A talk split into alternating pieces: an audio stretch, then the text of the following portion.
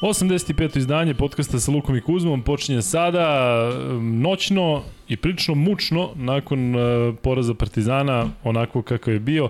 Svi koji ste gledali znate šta se desilo, vi koji niste gledali možemo nemojte, da pričamo nemojte gledati. 5 sati možemo da pričamo i nećemo vam objasniti šta se desilo. Dakle, bursa pa još gore kako je Partizan ispustio pobedu, s tim što naravno nije poraz toliko bolan, ali već sada postoji neki, neki taj ajde da kažem, baksuzluk u vezi Partizana, da dobijene utakmice se gubi. Kuzma, ajmo za početak, tvoje mišljenje. Uh, ajde krenemo od samog početka, da ne idemo baš od kraja, jer tu ćemo i vjerojatno najviše zadržimo. Jedna, po mom ukusu, idealna četvrtina. Kako Partizan mislim da treba da igra. Ništa se nije jurilo, nigde se nije žurilo. Govoriš prva, 23-14. Prva, 23-14. Zatvoreno sve, apsolutno. Mislim da nisu imali nijedan skok u napadu. Uh, nisu još uspeli da uđu u ritam svoje igre, igrači Baskonije, nije bilo trojke, nije bilo ničeg spektakularnog, a Partizan je sve to fino kontrolisao. E, osim Ledeja koji je skakao u napadu, svi igrači koji su igrali to izgledalo poprilično dobro i 24 poena je ozbiljan broj na gostovanju, gde negde sam na razgovoru s prijateljima pričao da je nekih 90 poena plafon, što bi u ovom slučaju s je prva, pa je u nekom naboju obično su ostale manje, ali to je bilo to. Uh, jedini ko mi se dopao u ekipi Baskoni u tom momentu je bio baš Marinković, zato što igrao nevjerovatnu odbranu. On je uzao dve, tri lopte žive i možda su to neki naj, ajde da kažem, naj, najbolji momenti Baskoni u toj prvoj četvrtini, a jedine dve ili tri izgubljene lopte Partizana. I sve je izgledalo kao da Partizan ide u jednu sigurnu utakmicu. Međutim, druga četvrtina je nevjerovatno veliki broj primljenih poena 32. Tako je. Preko 30 to, to nije normalno i potpuno drugačija, drugačija priča. Baskonija završava za 8 sekundi, a Partizan završava napade za 6. I to je ono što, što stalno govorim, da, da ne znam zbog čega mora tako kada je očigledno da Partizan ima potencijal da igra i drugačije. U krajnjem slučaju, negde kada vratim sve što je Željko Bradović radio ranije, nije ličilo na ovo što, što je bilo u toj drugoj četvrtini. Uh, Ali podsjeća na Albu, Pa da, samo... Podsjeća na pa, drugu da, četinu MZT-a, podsjeća na on prvu četinu Cibone, da Partizan jednostavno primi preveliki broj poena. Tako je, preveliki broj poena. Ali nije iz čega, dakle ovde nije bila... Dali su im da se, da se razmašu. I vidi, uh, u momentu kad je sve zatvoreno, kad je sve zatvoreno što se Baskonije tiče, jedini, jedini uh, način da nekako dopro do koša je šut za tri. I naravno da uzimaju i šutiraju jednom fantastičnom procentu. Uh, ali uh, neka vrate svi ljubitelji košarke, nek pogledaju izuzetno duboke rotacije igrača Partizana. Izuzetno mnogo su ulazili u reket s obzirom da je reket bio zaista dobro zatvoren. Svi centri su radili dobar posao i ako mogu da razumem da Gedraitis i da trojku, ja ne mogu da razumem da on navuče dva, tri igrača u prodoru. On, onoliki, gabaritan, nema neku uh, kreaciju ispod koša, pa ne treba da tri igrača da odvuče, on je napravio tri asistencije ničim izazvan. I dugo je to bio egal do onog momenta dok Partizan stvarno nije stao na loptu i davao tako dobre i tako sigurne poene pred kraj četvrte četvrtine da je to sve mirisalo na jednu sigurnu utakmicu. I iskreno govoreći ne znam, ne znam ko je mogao da zamisli ponovo ovo. E, pričali smo juče o Bentilu. Ja mislim da je to benigno u odnosu na ovo danas. Zato što je Panathinaikos imao prednost. Uh, Govoriš o promašenom bacanju? Ne, govorimo o ne, nepravljanju faula u Aha. poziciji. A ovde je sve prosto izgledalo tako jednostavno da čovjek koji mora da pretrči ceo teren samo jednostavno ne sme da te uvede u poziciju da on šutne pre nego što ti reaguješ. Dva igrača su bila na njemu, i Panter, Lidej, i ja prosto nemam objašnjenje. Nemam objašnjenje zato što ja ne mogu ti objasniti koliko sam se iznervirao. Ali zaista, Pazi, kad se ti iznervirao, zamisli kako sam se ja iznervirao. Zato što, pa ja mogu zamislim, ja, i pišu mi navijači Partizana, pišu da ne spavaju, pišu da su ja, nervozni. Crni grobar kaže da je na aparatima i verujem ti. Pa naravno, pa naravno, pa ko da ne bude, ali sad govorimo košarkaški. Ne, uopšte ne govorim navijački, ja sad govorim sa aspekta košarke. Pa ovo je nedopustivo. Ovo je, Govoriš za, za poslednju trojku? Za poslednju trojku, tako je. A jesi čuo Mićino objašnjenje koji kaže da u tim trenucima može da bude opravdanje to što igrač u svakom trenutku može da se podigne šut za tri, pa treba da se pazi kada se pravi faul, i treba da se pazi kada je on onakom naletu da sudije da ne bude namerno. Nije, nije u naletu zato što su dva igrača na istoj strani. Ja razumem nalet da je to neki stvarno nalet. Čovek ide lagano prema košu. Bilo je mnogo mogućnosti da se neko zaleti prema njemu.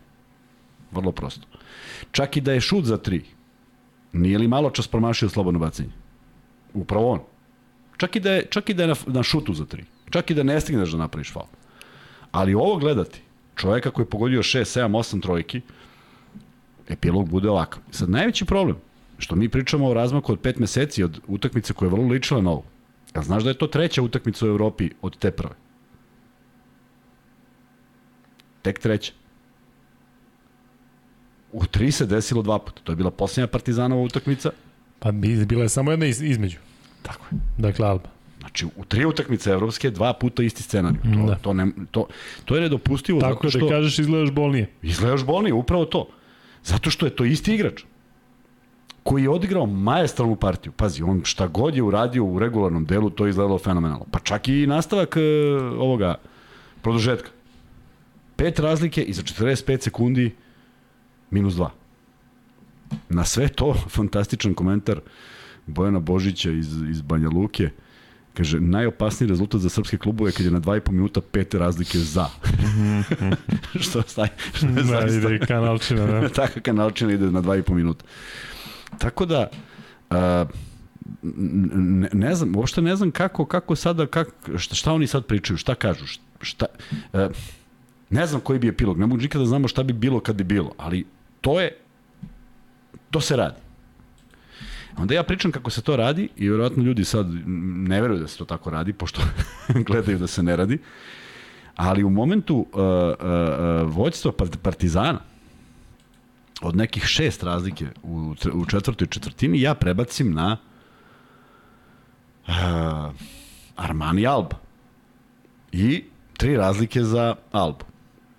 I Shields dribla loptu. I Sikma ga čuva. I Shields beži levo i Sikma za njim. I Shields beži još levlje. I sve što treba da uradi u poslednjoj sekundi jeste da napravi faul. Ne. I Shields šutne za tri. Hmm. Neverovatno. Na tri razlike. Skinu loptu, dođe lopta do Melija koji u poslednjoj sekundi, u poslednjoj desetinki šutira i promašuje i odlaze u produžetak koji Alba dobija. Ali to sad uzima maha. Sad, aj sad, ako ćemo da pričamo, svi se boje da ovaj ne uzme za tri, pa nek uzme za tri. Znaš da su u NBA-u e, igra tako da ima nepisano pravilo da ga pustiš, da nema tog faula tako je, Tako je, e, vidi, To je u NBA-u. Jel misliš da možda sad prelazi ovde? Ili je Ako, samo random? O, nemam problema. Ako prođe, onda ovi navijači treba da budu veseli. Svi navijači Partizana treba da budu veseli što, nisu, što njihovi igrači nisu kvarili igru. Ali ja ne vidim to tako. Ja mislim da nema niko ko je zadovoljan time što... E, nismo taj da kvarimo igru kao čestitamo pobedniku. Na če, o čemu pričamo? O tome mi pričamo. Evropska košarka... Ja samo kažem, Lede, A, ta, tako je, Panter, Ledej i Sigma su to uradili, sve tako, e, Amerikanci. Tako je, pa dobro, ali nisu tu 15 dana. Da, da, znam. Nego su već neko vreme i moramo objasniti da ipak treba. Sve Amerikanci. Da. I koliko je, koliko je, Tristan je dao 3 poena? Nije niko više ništa. Niko više ništa. Da li bi pričali o tome I, da je Partizan dobio? Pričali bi. Pričali bi kao što smo pričali da je spoljna linija zvezde da li bi se usetili uopšte? Setio bi se kako da ne, zato, ali ja imam potpuno opravdanje. Nema svih igrača. Nema ni Avramovića ni Smajlagića. Prema tome nije to baš uh, da ih sad 12 sedi na klupi, nego jednostavno to Dobro, je stice okolnosti. Dobro, Srbin, čovjek da odaje 6 pojena, 5 skokova, 2 asistencije. Može e, i tako da se gleda. A video si kako sam pogodio za Andjušića. Savršeno da ja i ti, da ti više ne stavljaš naslov, ja da ne prognoziram ništa. Dečko odigrao verovatno najgoru partiju u ja, karijeri duše. Malo igra, malo, malo, malo igrao, da. malo igrao. Ali sviđa mi se što je dobio, što je dobio uh, podršku kada je izlazio Rekao mu Obradović, ajde, vidi već šta je, onako onaj njegov šamar kojim podržava igrače. E, da se razumemo, ovaj, e, ima, ima sad tu nekih priča ko je igrao u završnici u Partizanu, ko je igrao u Zvezdi prethodnu utakmicu. Ja uopšte ne sumnjam u taj izbor. Dakle, kada utakmica ide ovim tokom, a, ajde da napravimo onaj pol, da vidimo, pošto sam imao mnogo, mnogo poruka od Zvezdaša, ajde da napravimo pol, koga bi oni stavili u posljednjih 4 minuta u petorku? Ne koji nisu tu, ne koji su nekad igrali, nego samo oni koji su na klupi. Ne, nema u Zvezdi na spoljnoj liniji. Danas, razigrani igrači od onih pet koji su završili. Pa, realno da budemo ne. Pritom svi su bili dobri u defanzivi. Partizan je zatvorio reket ozbiljno u četvrtoj četvrtini. To je sve proizvod nekih... Kontrolisao skok i sve. To je sve proizvod nekih budalastih akcija. I grešaka, više grešaka nego što je to proizvod. A, slobodno bacanja, Zvezda je promašila četiri u završnici i Partizan je promašio četiri u završnici. Koliko je bitno da imaš nekog, pa promašio je dobro, i Gedritis je promašio, pa je promašio i ovaj momak, kako zove, Howard. I on je promašio slovom bacanja, što je nevjerovatno. Mislim, pogodio toliko trojki iz nevjerovatnih pozicija. Jel greše onda ljudi koji Nanelija vide kao tragičar? Ma, Nanelija... Koji je dao 4 4 ili 5 5 i onda promašio, ono vidio si kako je promašio mi, iz koša. Da, izašao iz koša. Nije mi on tragičan zbog toga, nego dva puta je napravio korake u, u četvrtoj četvrtini ili u produžetku, ne mogu sada setim. Dva puta pravi korake, to od njegovog kalibra, njegovog igrača pogotovo, kako, kako, kako dobije onaj užasno loš pas u, u, u sekund do kraja od, od uh, Lideja i diže se tako mekano, dobio i faul i koš, ako sećaš, to je bilo pet razlike uh, Partizan otišao u tom trenutku. Dakle, ima on dovoljno iskustva, znanja za sve to. Čitaš nešto? E, dobili smo donaciju Dušana Subotića, hvala Dušane.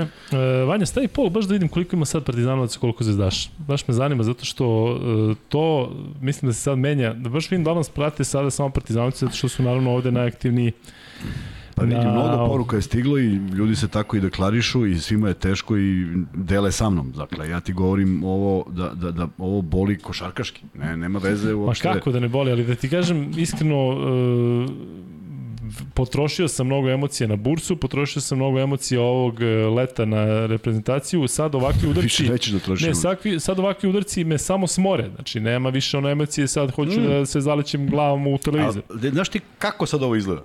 Znači od, od uhu, da ne govorim, da ne govorim da bi ovaj ova pobeda Partizana otvorila Zvezdi vrata za sledeću utakmicu da će ovi sada budu malo, u šta sad izgubili smo, daj sad da se vadimo. Ovako samo pouzdanje su dobili da su izvukli ni iz čega, baš, baš ni iz čega. Dakle, nije to bila ni, ni lepa igra, ni kvalitetna igra, reket nije postojao. Uh, baš šteta. Baš šteta za jednu, za jednu već viđenu pobedu. Nije, e, neko je pitao šta je teže, ovo, ovo protiv Zvezda. Zvezda nije imala kraj utakmice prednost. Partizan jeste. Kad su se zagrlili Obradović i Panter, ja mislim da ne postoji čovjek na svetu koji je mislio da ovo je ima da četiri ovo- razlike za, to, za upravo 20 i koliko sekundi. A reći ti zbog čega još, još nešto. Zato što razmišljaš, čekaj, izvučene su neke pouke. Ne može da dođe dva puta ista završnica. Ovo je doslovce ista završnica. Sa promašanim bacanjem, sa lakim poenima, sa promašanim bacanjem, sa, sa, sa nepravljanjem faula. Ne znam, baš ne znam. I onda, i onda, neverovatan spas u posljednjoj stotinki produžetka. Po- Prvi napad. Madar daje nenormalnu trojku. Ono, ja mislim da neće ući. Još ide dvojka, to je pet. I ti sada vidiš da su ovi u ozbiljnoj panici. I, i vrate se dok si rekao. A si vidio ono, ono i sa zemlje Howard kada je bio, kad su trojice krenuli na njega, kada je isticao napad i kada završavaju, ovaj, Da, mislim da, da, je to, da, to da, nešto. da. Šta se tu desi? Svi idu na se, igrače koji, koji, Panter se koji, da. Ne, ne, to je to, povratak. Seti se protiv Burse povratak poslovnog bacanja. Kada čovjek zakucava iz reketa. To je nedopustivo da se ti vratiš u odbranu na slobodnom bacanju. Znači, neko mora stoji negde, negde pokriva neki deo terena. Opet je bila konfuzija ko na, i to kako neverovatno da ostane on. Ja razumem da ostane Gedritis koji nije bio u šutu. Da ostane njih četvorica, samo ne on da ostane. To mi je kogoda je pored njega. I ako je najviši igrač na terenu i ovaj primi loptu samo napraviš faul. Pa bolje to. Kako ti se sviđa kad smo kod njega, taj mali Howard? Ma odličan, je, ali ja stvarno ga nisam gledao nešto često. Ali mogu ti najčistiji kažem. šut ima koji sam Pa ja vidio. dobro, ali, ali danas, baš- ja, ja, znaš, mislim, nevjerovatno. Odlično je odigrao, svaka čast. E. Baskonija kao Baskonija ovako ti Ne, nešto prosto mi je jedna ekipa, ja nemam ideju kako su dobili Valenciju, vidim da je Valencija pobedila opet, e, izgubila opet. odasvala, da, Da, mislim, ne znam, ne znam, u egal. Basko nije mi apsolutno nije ekipa od koje treba da pre... Jeste Howard, jeste Gedritisu kad je u najboljoj formi, ovo sve ostalo, ja ne mislim da Partizan i Zvezda to nemaju. Apsolutno ne mislim da to nemaju. ja mislim, baš, se, baš da kažeš sad Baskonija je neki Da, tim, da, nešto ti kao 2-0. uzmeš i isporediš, da, a oni 2-0. E, da se vratim samo na još par nekih stvari Ajde. koje su mi ostavili ovako, ostali upečatljivi. Op, da spomenem ponovo ovaj, uh, Panterovu izuzetnu seriju, izuzetnu utakmicu. Lidej koji je bio dovoljno dobar do pred sam kraj. Naneli možda ono što se od njega očekuje, Exum koji nije bio iz, isto izdanje, bespotreban fal u napadu nad Gedreitisom u momentu kada je taj koš kao kuća. I jedan, jedna, jedna opet nešto se desilo u utakmici protiv Zvezde kad svi gledamo da Ivanović izbio loptu i vidimo svi da Ivanović izbio loptu i sudija dosude ovaj loptu za, za Zvezdu. A onda ovaj lakat centar direktno u Pantera. Stela, da. da. i kao sad šta smo mi videli, mi smo svi blesavi i oni su se tamo izlepo ispričali i dosudili taj jedan faul. Međutim, i žao mi što nije dosuđen jer mogo je da bude i okvalifikovan kao nameran. Međutim, e, e, drago mi je što Papa Petrovu nije svirao nameran faul. Ali moram da se vratim na utakmicu juče. Isti potez je napravio i Adams. Dakle, sada sudije, sad mi treba da razmišljamo, ko sudi na ovoj utakmici? Taj neko ko čita pravila odavde, ili ovaj koji čita pravila odavde. Ne smeju oni da odlučuju. E, kada sam ja prokomentarisao da ono Adamsovo nije bio nameran faul, to jest nesportski faul, Ilija Kovačić je rekao, pošto ti znaš da Ilija se sprema za sve to, iščita sve to i kaže, po pravilima, ako te igrač obišao i stekao prednost, šta god da uradiš, gde god, naročito ne nešto sleđa, samo ako nije start na loptu, ako te obišao i ne može da ideš na loptu, je nameran faul. To je nesportski faul. Po tome je i Papa Petro bilo faul. Sudije su dosudile kontra, što je dobro, jer ne bi mi bilo drago da jesu dosudili. Da, oni su stavili akcent samo ne... na tome da li išao na loptu rukom. A, ali, ali upravo to. Zanemaruje se činjenica da ga ovaj obišao. Ovaj ga je stvarno obišao. I stvarno je bio nesmotren Jest. faul. I pritom je levom rukom izgledalo kao da ga polače, tako, kao da je sada rukom. Možda i nije tako, ali izgledalo kao da Ja sam bio ubeđen da će svirati... E sad, e sad, tako je. I ja sam želeo da ga ne sviraju, ali sam po Naravno. onome juče što smo videli, da. činilo mi se da će biti. Sad zamisli ti, razmišljaš sledeću utakmicu, dolazi ti ova trojka, što juče sudila i ova trojka, danas ti kao, uf, dobro je, dolaze ovi, kao, znaš, kao možda, jer ona je tamo, stro, ne može to bude strožije nešto što je definisano. A upravo je to, nije definisano. Sad se ja vraćam ponovo na ono. Zamisli da ne postoji nesportski faul. I da je ovo samo regularan faul. I niko nema problem. Niko ne gleda snimak, Niko ne mora da vidi šta je video, da stavi naočare, da se zagleda, da uzme lupu i da gleda frame po frame, nego jednostavno faul koji pripada košarci. I ja ću o tome da pričam verovatno do kraja sezone. Da do kraja da sezone, da do kraja podcasta, što znači... Do kraja podcasta sigurno, a do kraja sezone najverovatnije. Do kraja trajanja podcasta godinama. Go, dok ne promene pravila, pišem peticiju.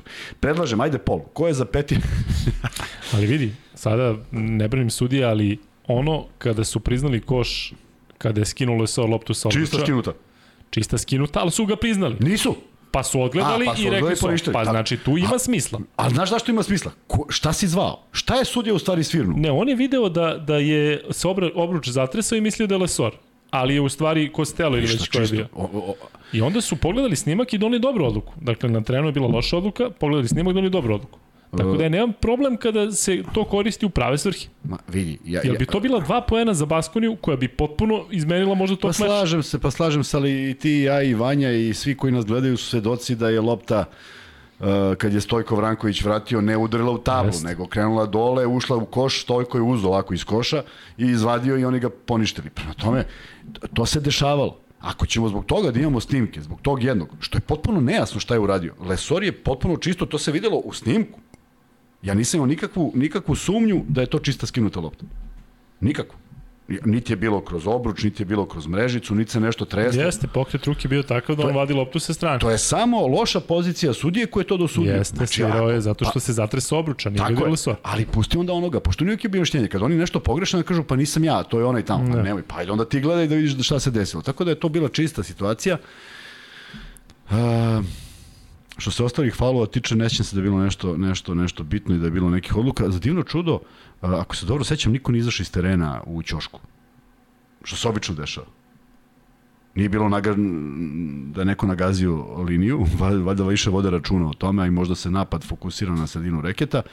I zaista, statistički čak nisam ni gledao, toliko, toliko sam vraćao taj snimak da im šta se desilo, da ovaj, nisam pogledao statistiku koju mislim da je Partizan bio apsolutno uh, ako ne mnogo bolje, ali ja mislim da su bar ofenzivno. Šta te zanima? Evo sad skokovi, ću ja skokovi da me zanimaju. Skokovi izgubljene lopte. Oj, mučno, kad vidim 103.96 posle produžetka Partizan primio opet stotku, do duše da. jeste za 45 pa jeste, minuta, ali, ali... sve jedno. Mnogo je, nema šta. E, dakle, skokovi su sledeći. Šta kaže?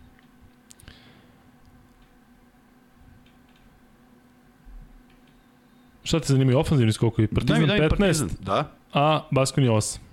A ukupno u skokovima 31, 37, 6 više Partizana. Ej, 15-8. Potencijalnih 14 poena više minimum. Ti nemaš dobijenu utakmicu. Šta je problem bio? Uh, uh, koliko, koliko grešaka je bilo ajde da kažem, u toj nekoj rotaciji. Evo, samo nek pogledaju svi koji žele da pogledaju posljednji šut Panterov u produžetku za tri. Lida ide na prodor. Čovek ga kontroliše potpuno. Jedini čovek u tom trenutku je, koji je sposoban i koji će uzeti šut je Panter. To znaju svi gledaoci i, i svi na svetu. I čovek rotira sa njega da pomogne na ledeja koji čak i kad bi bio faul mora šutno slovno bacanja, a nema više to samopouzdanje. I lopta se vrati, čovjek šutne sam. I kome ti da objasniš ko je to od njega traži? Dakle, mnogo tih nekih grešaka i žao mi je što Partizan e, ovakvu prednost e, statističku, koja ne može da laže, ne može da laže da imaš 15 skokova, 8 skokova u napadu više, nije, nije realizovao. To je prosto neverovatno. A Kuzma, ali sada kada pogledamo, Lesor dobro odigrao. Lesor je bio potpuno istučen 4 minuta pred, pred kraj. Ja mislim da on uopšte nije učestvo u igri. On je neverovatno lopta. Pa zato pričam, zato što sad neko ko nije gledao i pogleda Lesoru u statistiku i kaže, brate, kakav double-double učinak, on je postao neki rekord u broju skokova, svoj lični rekord. I na kraju ima 19 pojena i 12 skokova. Šut iz igre 7 od 10, ali njega nema kad treba. Nije, nema šta, nije uopšte kad treba, nije dobio loptu. On nije jedno dobio loptu, njemu lopte ispadaju. Vidio si, on uhvati loptu pa krene gore, pa mu jedan uzme, pa mu to drugi jedna, uzme, pa To je jedna, ali nije bila akcija za njega, do tad jeste. Mada on je mnogo lopti sam skinuo pod košem i iznudio te Jeste, i dao ono levom rukom ono na odbitak, sve okej, okay. ali ja kad je, Le, kad je Lesor, vidio si prvu četvrtinu, kida, Ki, razvaljuje, okay, okay, ali, on je nosio partizan, on je za tih tvojih 23-14 što kaže da je super, on je najzaslužniji, jeste, tako? Jeste, Zato što je jeste. sve iskontrolisio. Ali bio je potpuno van igre, možda to bude zamisao i Željkova zamisao, ne, ne znam.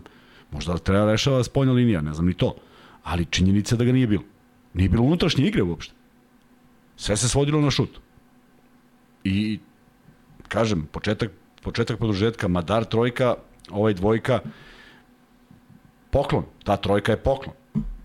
Ali nije ništa više od toga bilo spuštanje na, tre, na centra i da se nešto rešava iz reketa. Prema tome, E, dobili smo još jednu donaciju i kaže Bojan Markov sledeći, momci, evo od mene da drmete neku kafu, sa koliko žare Ćemo. ljubavi i vi dolazite u jedan noću da podelite mišljenje sa nama, to je stvarno zadivljenje, držite se, stižu i pobede, to je očigledno. Ja se stvarno nadam, Bojane, da stižu por, ove pobede, zato što, kažem ti, već sam, ulazim lagano u jednu vrstu depresije, zato što je već mnogo. Dakle, znamo šta je bilo leto sa reprezentacijom, kako smo svi proživjeli ono sa Italijom, Partizan prošle sezone, ono sa Bursom, Partizan sada loše počeo, Zvezda loše počela, zašto to je ipak 0-2, tako? Se mi slažemo da je 0-2 loše, loše zato što je Zvezda igrala egal, egal donekle sa Efesom i igrala egal sa Panatrikusom, tako? Ne, nije to, to neka satisfakcija, pa, pa tako, u, igrali znači, smo dobro. slažemo se da je loš početak. Jeste, jeste. I sad, ja više nemam, nemam uopšte slobodu da pričamo o nekom play-offu jedne ili druge ekipe. U smislu, ne, nemam, nemam pa sigurnost. Dobro, rano je, pa rano. Pa rano je, ali sad treba da se vadi Zvezda ovamo i treba Partizan da se vadi protiv e, sve stoji, ovih italijanskih sve stoji, milijardera. Ali, sve stoji, ali pogledaj, pogledaj ako Armani izgubio kod kuće. I znaš gde će da se vadi? Pa vadit će se, ali i oni su izgubili. Hoću kažem, yes. nije sjajan početak zato što se mnoge... Ne, sa te strane je dobro zato što ispade da Alba uopšte nije loš. No, Alba, Alba daleko to. Da, da. Alba, je, Alba će biti dobra jedno vreme dok bude bilo te snage i dok ne, ne, ne, su svi u istom sastavu, u istom ritmu. Prosto, e, nemoguće odigrati 30 i nešto utakmice na tom nivou. Ne, pogotovo što sada vidi. Um, taj Hamburg kojim smo se smijali, on je pobedio budućnost. Prošle godine je bilo kao je kakav Hamburg. Hamburg je odigrao na dva razlike sa Albom i pokazao ozbiljnu neku vrlo sličnu igru protiv budućnosti. Pa i takvi Hamburzi čekaju Albu u svom njihovom prvenstvu, tako da... Evo, kaže Ćao, uh, tako mu je nadimak, ne kaže Ćao, Ove, ovaj, kaže nešto o čemu sam ja razmišljao tokom meča, posebno posle meča. Da je bolje da su sve pare dali Lučiću i Milutinovu. Sada kada pogledamo ovo da su, da su, jel nam stvarno, jel treba čekati te igrače i dati im koliko god treba koji su stvarili domaći. Ovo što je urađeno sa Andjušićem i sa Nedovićem, da ne bude to samo jedini primjer. I što je urađeno prošle godine sa Kalinićem, zato što stvarno ljudima smeta. Ono kada su pričali FMP i e, Mega igraju utakmice kao dva naša tima koja štancuju talentovne igrače, prvih ne znam koliko e, strelaca stranci. To je bilo Jeste, ali dobro je primjedbu dao Jeste, primjedbu kasnije, na rekao sledeći, niko ne priča o tome, da. ali je definitivno utisak da ih je previše. A u Partizanu i Zvezdi sam ti kažeš ko je dao, nema šta da kažeš, tri, tri poena Vukčevića i to je to. I juče da smo rekli, nema domaćih igrača na terenu, jel to, jel su onda ovi porazi još bolniji? Nisu, nismo izgubili mi.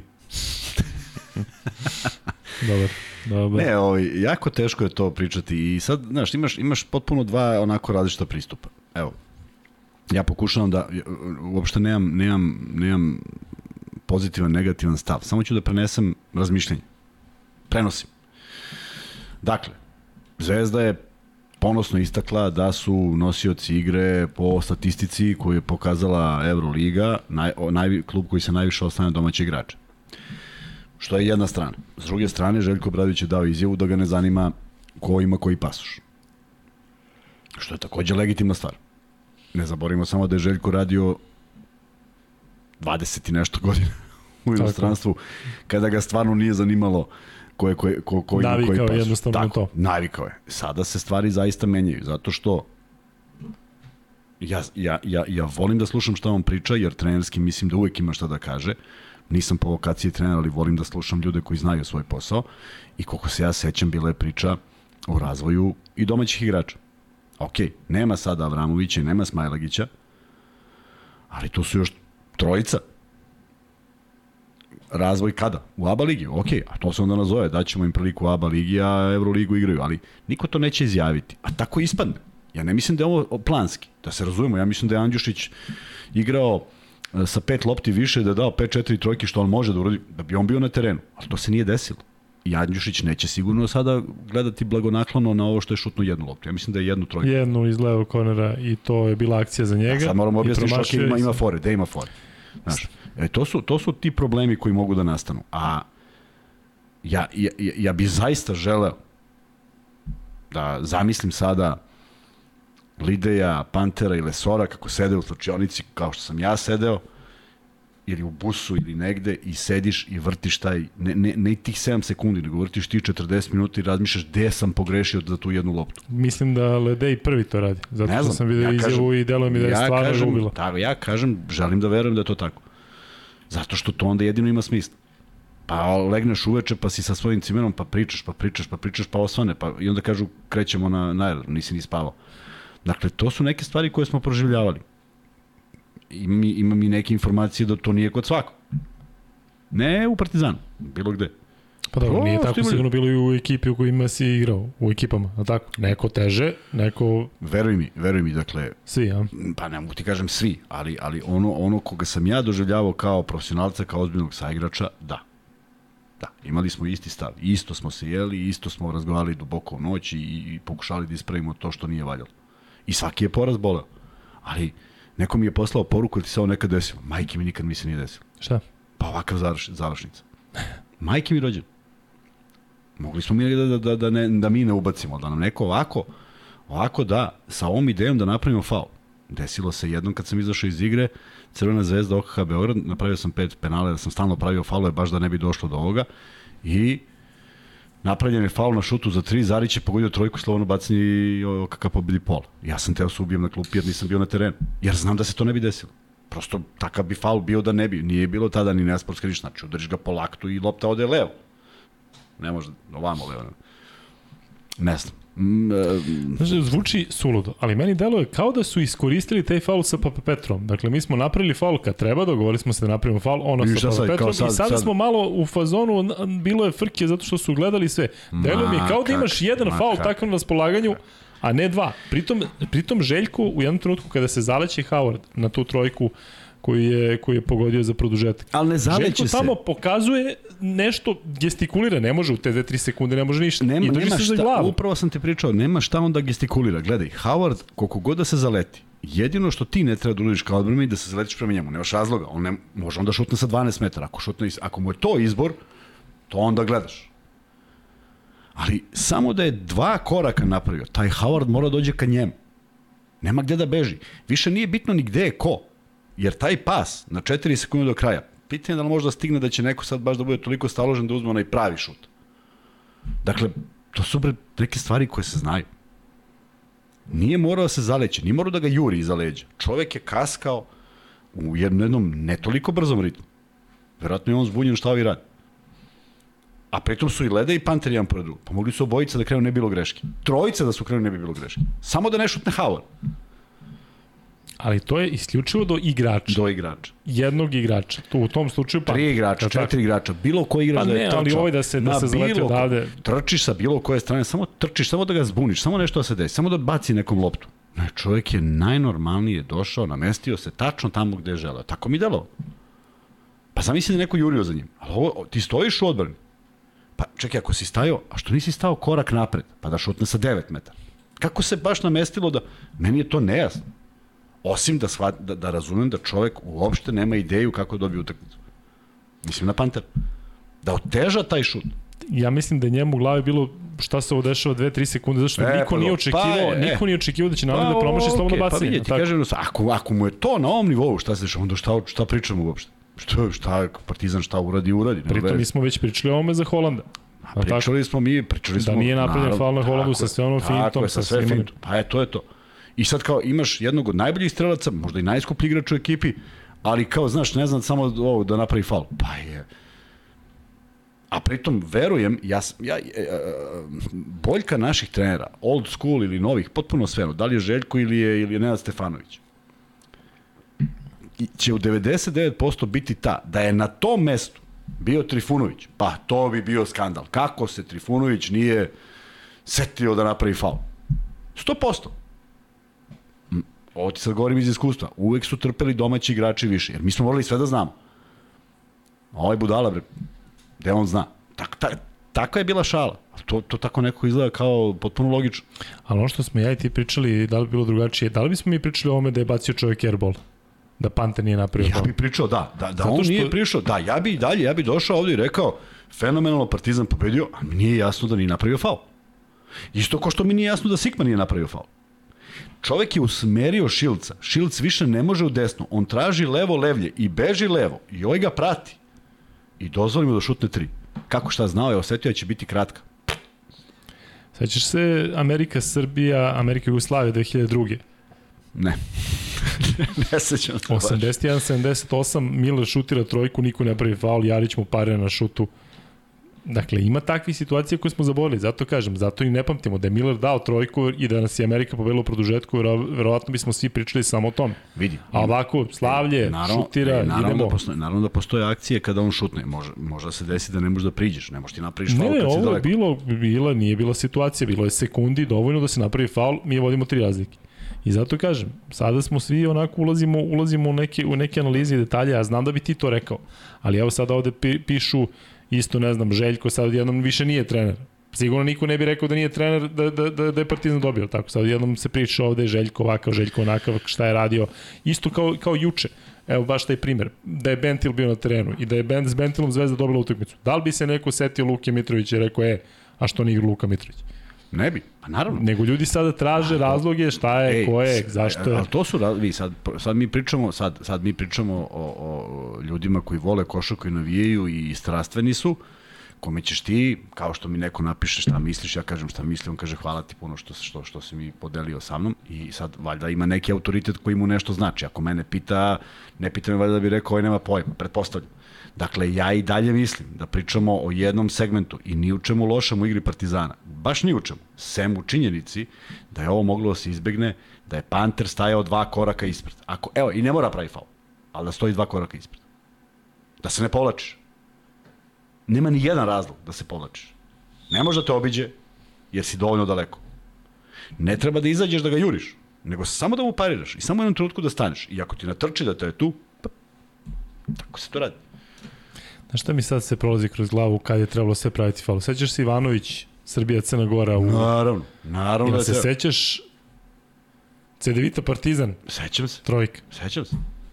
To su pa I kako sve su, ali to je pet igrača, ima si u tom trenutku pet igrača vidi. najpametnijih na svetu. Vidi. Pavlović, Bogdanović, Tepić, Lovernj i ko je bio peti tada u Partizanu. Vidi, I niko ne pravi i faul. Bogdanović mu je tad bio na dva I metra. od njega. Partizan je imao i Partizan je imao protiv Cibona ideju da napravi faul protiv promošnog snova bacanja, ali lopta otišla i suviše brzo i nije imao ko da ga napravi. Dakle dešava se taj momenat da ti imaš sve ideje sveta, prosto ne možeš ga napraviš. Sećaš se kako je na lopta otišla u ćošak. Čovjek šutno, nema ko da napravi faul, možeš jer ne, da uklizaš nekome, ali stvarno bi bio namer. Pa su izvukli čak i iz toga, ali ja, ja se slažem da nekad postoje. Govorim o ovom konkretnom primjeru. Govorim o primjeru Burse, prosto morao je da napravi faul, pa nek šutne Holand tri penala. I govorimo o primjeru ovom. Interesantno da je isti igrač na tom čoveku. I samo mi je to interesantno, ništa više. Kako sada dalje sa tim? Da li Pantera ne držiš uh, poslednjih 30 sekundi? Ne, možda ga ne držiš, čovjek je stvarno sve pogodio, znači bez njega to nije ista utakmica. Ali, ali sedneš na jedan razgovor i kažeš, je, je, ok, je li sad jasno? Ako ti kažeš da ni sad nije jasno, pa onda ne mora tih 30 sekundi da bude. Ubaci defanzivca, je li ga, šta Da, radiš? neće sigurno da kaže nije jasno, ali će Pa da ne, kaže... pitaš, je li tebi jasno? Hoću da, da sledeći razumeš? put. Pa je, pa to ako klimneš Žeks, glavom, ne to, to mačko rep. da, no worries. Sledeći pravim sigurno. Uh, oni imaju običaj da kažu, bar kad sam bio u Belgiji, my bad, znaš. To je Da, kao, to je da, na, na, ovaj kao. Jaka. E, Vanja, ajde da ovaj, zatvorimo ovaj rekordni pol. Koji je bio pol? Šta je bio pol? Ja sam 515. zaboravio. Koga ima večeras više, Partizanovac ili Zvezdaša? Šta misliš? Mislim da Zvezdaši, više. pa ne, to je ista naša standardna ekipa. 57% Zvezdaši, Partizanovac 42%. Pa, dobro. I hvala vam puno što ste carevi, zato što nema nekog prljavog prepucavanja, ima po neki onako komentar. Ma jo. Ali ovde smo uspeli nešto što fini ljudi. nikome nikada nije pošlo za rukom, a to je da Zvezdaši Partizanovci, poznavaoci košake, lepo komentarišu, lepo u smislu sportski, košarkaški i zaista svaka čast. Da Kaže ti, ispucamo... kaže ti Sasu Salin da ako hoćeš da ideš iz depresije, pratiš Đokovića, onda nemaš problema. Uf, i to zna da nekad bude bol. E, Nekad, a ne baš tako često. Da. Kuzma ima sličnu boju u licu kao naš Želimir. Dajte čoveku neko peškiće natopljeno tako? rakijom da to, malo splasta. o, to o, sija majica. A i ova vatrena voda je jaka. Ne, ali pazi ovo. Kuzma ima sličnu boju u licu kao naš Želimir. Dajte čoveku neko peškiće natopljeno domaćom rakijom malo da splasne. Pa i sad, ne, ne, slušaj, slušaj sad. Dva reda dole. Pardon, ne Kuzma, nego Luka. Daj peškiće, Vanja. A jesi stvarno crven sad kad bolje pogledam? A kako da ne budem crven? Au, kako izgledaš čovječ. Kako da ne budem crven? Kako da čovjek ne bude crven? Ja, Još razmišljam sad ako, znači, odem, na, na, znaš šta mi je isto teško palo? Što sam mislio, Partizan dobije, normalno dobije Partizan, onaj zagalja i Pantera i Željka i dalje ima neviđenu, neviđenu, neviđenu težinu, imaće zaovek. E, I šta se dešava? Kažem, taman idem da ospavam pola sata. Pola sata mi je dovoljno. Odradimo podcast, a, posle to ti je bio hokej, plan. pa ujutro Australijanac U, i onaj Howard, nesretnik. Howard. Dušan Cvetanović iz eh, Hrvatske nam je uplatio ogroman novac, sad više, više nisam crven sad ovo. Dobili smo neku donaciju fenomenalno. Hvala Dušane, veliki pozdrav za tebe. E, sećam se da si već jednom imao ovakvu isto donaciju, čak e, je možda ova jača. Ja, znaš ko nas prati na Instagram? Ko? Jaka Klobučar. Ekstra. Sad, ja sam gledao, ali stvarno ima malo slika da bi ja mogao, ja pretpostavljam da je on. Pa dobro, ali, pa zato što ti Vanja imaš odgovor na sve. Ali, Ja ovaj, kako gledaš, javi da, se da, jesi provalio kad god imamo neki nešto, mi uvijek se okrenemo ka pa, Vanji. da, da kaže nešto pametno. Pa da, pa ovaj, više On ja i zaspao Kuzma- čovjek. Jaka, ali ne vidim ko bi se pretvarao da je Jaka Klobuč. Ne, možda se neko zove. Pa ne, ko se imamo tri Jeste, jeste, jeste, Nikola pravo si. Ivanović. Pa daj sliku da vidim, da uvećam. Evo su naoče. Joj, Šta Kuzma, kad, sta? Kuzma kad stavi naočare, to je ovaj... E, Luka crveno-beo. Šta, šta da vam kažem? Slušaj ovo Kuzma. Kuzma je ozbiljan šmeker. Pre 15 dana mu ja sviram iz kola na Dorčulu i dobacujem gde si Kuzma, javlja mi se kao rođenom bratu, a nije ni video ko je. e, Znam čak i kad je bilo. Evo, je li ovo jak? Evo, ja sam našao pravo. Ukuca jaka klobučar 24 na Instagram. To je pravi. A to bi trebalo. E pa dobro, onda nas ne prati. Ma ovo je bre čovjek je sa decom svojom i sa, ovo je 100%, evo čovjek sa, sa ženom i s decom. Jeste, ovo je jaka. Jaka, javi se da rešiš. Ja, ali javi se odmah. A? Ne ovo sad, bre, jedva, jedva, bre. Da, pa vidio sam da nas prate silni neki poznati. Jaka Klobučar, Jennifer Lopez i ostalo. Da. Jennifer naročito. Um,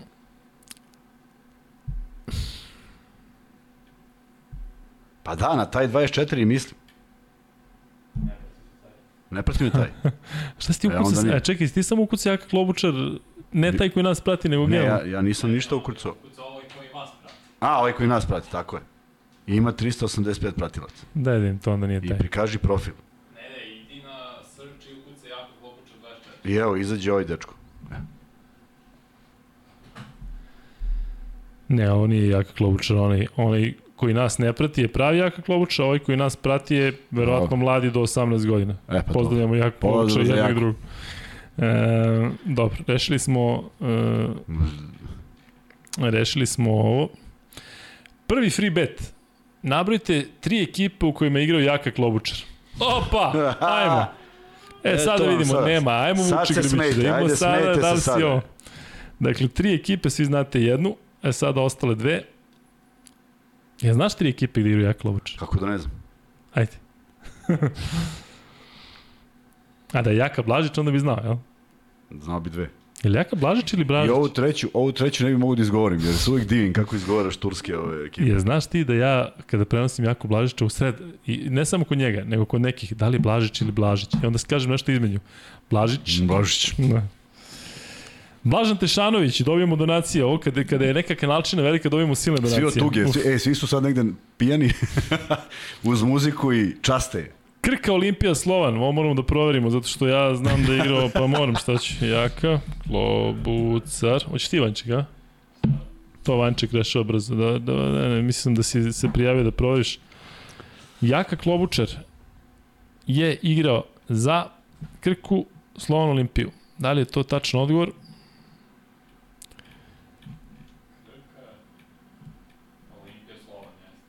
To je prvi, je li tako? I to je Samo uključi, pre nego što izgovoriš ko je, uključi live chat. live chat. Dimitrije Dučinović. Dimitrije, Dime, šalji na Luka i Kuzma, MaxBet ID. Um, dobro. Da imamo šta kaže ovde.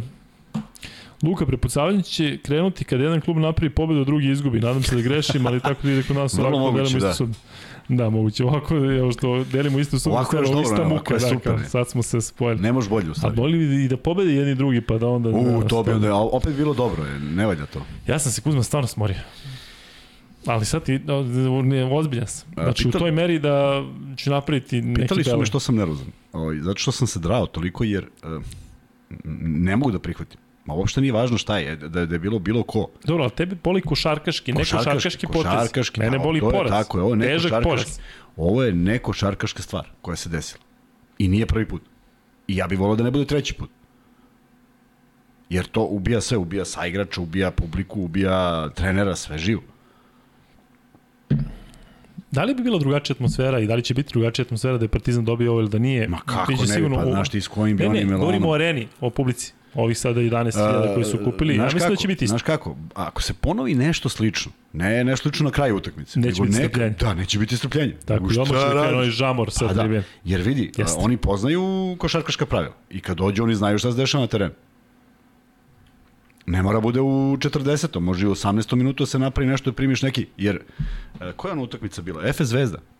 Znaš kad sam ti rekao koliko je glupo kad primiš koš u 2,5 sekunde do kraja? Pa može se desiti protiv Efesa, a kad ti se desi protiv nekog drugog, a kad ti se desi protiv nekog trećeg, onda neko kaže, čekajte ljudi, pa vi znate da odbranite ovo ili ne znate? Kao ono što se. Hrvatskoj desilo, što su Tako za je. 0,1, 2, Tako, koliko beš? 0,1 si Da. da. primio i ti hoćeš da igraš na evropskom prvenstvu. I svi vide da se čovjek pozicionira i svi stoje oko njega i niko ništa ne uradi. Pa to je apsolutno nemoguće. Tako da stvarno ono, ono samo oni mogu da prime. Ja mislim da ne postoji niko drugi. Luka, da li bi Aleksa odigrao bolju odbranu na Howardu? Ne znam da li misliš na ovaj posljednji napad ili generalno, ali jedno i drugo odgovor je da, tako Kuzma? Da je Aleksa Vramović tu ne bi... ma da, ma tako? da. Aleksa, Aleksa bi vjerojatno napravio nesportski faul. Tako je, iz one energije on bi mu Iz uklizao glavu. ali, da. ali ne bi bio šut za... Da. Znači, mogu, mogu, mogu bi šut na dva slova baciti Da. loptu sa strane i opet Jeste. Partizan ima prednost jedan put. Aleksa bi napravio takav faul da bi bio nesportski i da ne bi mogao Howard da šutira, Howard nego bi morao dva da uđe meseca ne bi ovaj mogu, ne bi mogu da šut. E, čekamo Aleksu, e, vi znate da sam prošle godine e, govorio da Aleksi samo želim bolje, da igra sa tom nekoj energijom koju nema da kanališe, ali u ovakvim situacijama zaista fali. I zbog toga što svi pričate, odnosno što govorimo da nam fale malo i naši igrači u završnici i zbog teh nekih košarkaških stvari koje bi uradio. Luka, šta kažeš novi raspad Makabija večeras Gudurić ih baš razbio. Gledao sam to. Dali 71 poen. Ne, ono je 600 milijardi takav- miliona koštaju. ono kad vidimo onog ziva da ulazi u igru, dakle, pritom, Kuzma, Odet Kataš, šta je to? 83-68, ne prevoličavam. 83-68, minut 25 do kraja, čovjek traži timeout. Šta se de, dešava u glavi da ti sada uzmeš tražiš taj out, pritom ga nisi tražio malo ranije kada je trebalo. Ne znam. Dakle, oni kad idu pojt, ovaj, Pojtres i Nibo idu zajedno loptu, tri puta idu zajedno loptu, ispada lopta jednom i drugom. Dakle, mučno, mučno gledati. Tako da taj Makabi bukvalno ne vidim kao konkurenta za play-off uopšte ni u jednom trenutku da oni sad kao dođu. Vjerojatno ću se preći zato što će oni vezati nekoliko pobjeda. Sad mislim imaju 1-1, ali mm, muka živa. Hoćete li raditi NBA? Radit ćemo naravno. Ja i Vanja spremamo. Pazi, u ponedljak nam je antologijski podcast, zato što imamo ovako. Šta se dešava u ponedjeljak? Pričamo o ABA ligi za vikend. Je li tako? Dobro. Pričamo o duplom kolu Euroligi. Au, to je utorak. Pa znači sledeće ne imamo, sa- samo imamo ponedjeljak, utorak, sreda, četvrtak i petak podcast. da. A izvini, kad nemamo podcast? Vanja, imamo ovog seksomana, gasi ga, molim te. Čekaj da nam pošalje. Je li ovo novi? Rekao si da imamo novog nekog, a? Dobro. Ovo je star. Dobro. E, Kako ćemo sa sledeću nedelju organizujemo? pa ja radim Eurocup i sve. Pa šta? Uh, ponedjeljak najavimo i šta, nemamo ništa utorak. Kad igraju Zvezda i Partizan? Pa i mislim da igraju 2-2, onako. 1-1, 2-2, 1-1. ali kad igraju? Ne, mislim da igraju svaki dan po jedan. To mislim. Razumeš? Zvezda igra utorak, četvrtak, Partizan sreda, petak. Sigurno. Recimo. Nisam, zato ću sada da proverim. Ajde, pogledaj. Partizan igra utorak, Dobro. Zvezda igra u sredu. I naravno Dobro. Partizan onda igra u četvrtak, Zvezda igra u petak. Super. Šta ćemo, Anja? Hoćemo, Pa, hoće, hoćeš da ideje. radimo šta svaki ćemo? dan, ali i ćemo prepodne i uveče. Dakle, da, da, hoćemo, prepodne da hoćemo. najavimo i onda uveče da... Imamo, imamo pauzu između, između dva podcasta popodne. Tako je. Ništa ljudi, ako hoćete ovaj, don, E, radimo donirajte više, da, da možemo da otkažemo sve drugo što radimo u životu da bi samo ovo radili. Slušaj, radimo prepodne, pa onda slobodno sve do uveče. Dobro. I onda zakažemo podcast kad je utakmica. Tako je. Pričamo i, i pričamo o NBA Tako. ligi. Ti i ja. Ne Vanja. A samo NBA. Tako je. E, imaćemo i Vanja NBA specijal višesatni u, u ponedljak. Ne znam gde ćemo da ga stavimo i kada ćemo da ga radimo, ali imaćemo. I ja da čekam da pričamo. Jesi vidio ove klinci? Ja, mora, ti verovatno klinci znaš bolje nego ja, ali e, bit će zanimljivo. Jesi predsezonu ispratio onako? Mm? Dobre, ali svi su mi nekako isti, znaš, svi su nekako, mm, ne znam, možda grešim, ali Ali bit će. Evo opet pita Dejan Ilić kad je NBA podcast. NBA podcast će biti u ponedljak, ali e, šta mislite, da odvojamo? Da napravimo kao celinu sad? Da, možemo da odvojimo. A, Možemo da odvojite vas dvojica. Slobodno. Da odvojimo NBA podcast. Sad kažemo, evo, sad se završava podcast e, s 86, a 87 počinje za 5 minuta i Kuzma lepo spakuje se, spakuje naočare. Ne, E, prvo, prvo počnete sa ovaj, e, temom iz grlom u čuš jagode. ono, čuš ono. Prvo tema A? grlom u jagode. Da pričam kako je to bilo nekada, a onda vi nastavite. Zato što, znaš, ako bude tu 3 sata, bit će, znaš, mi kažemo James Jason, on kaže Jake Jackson.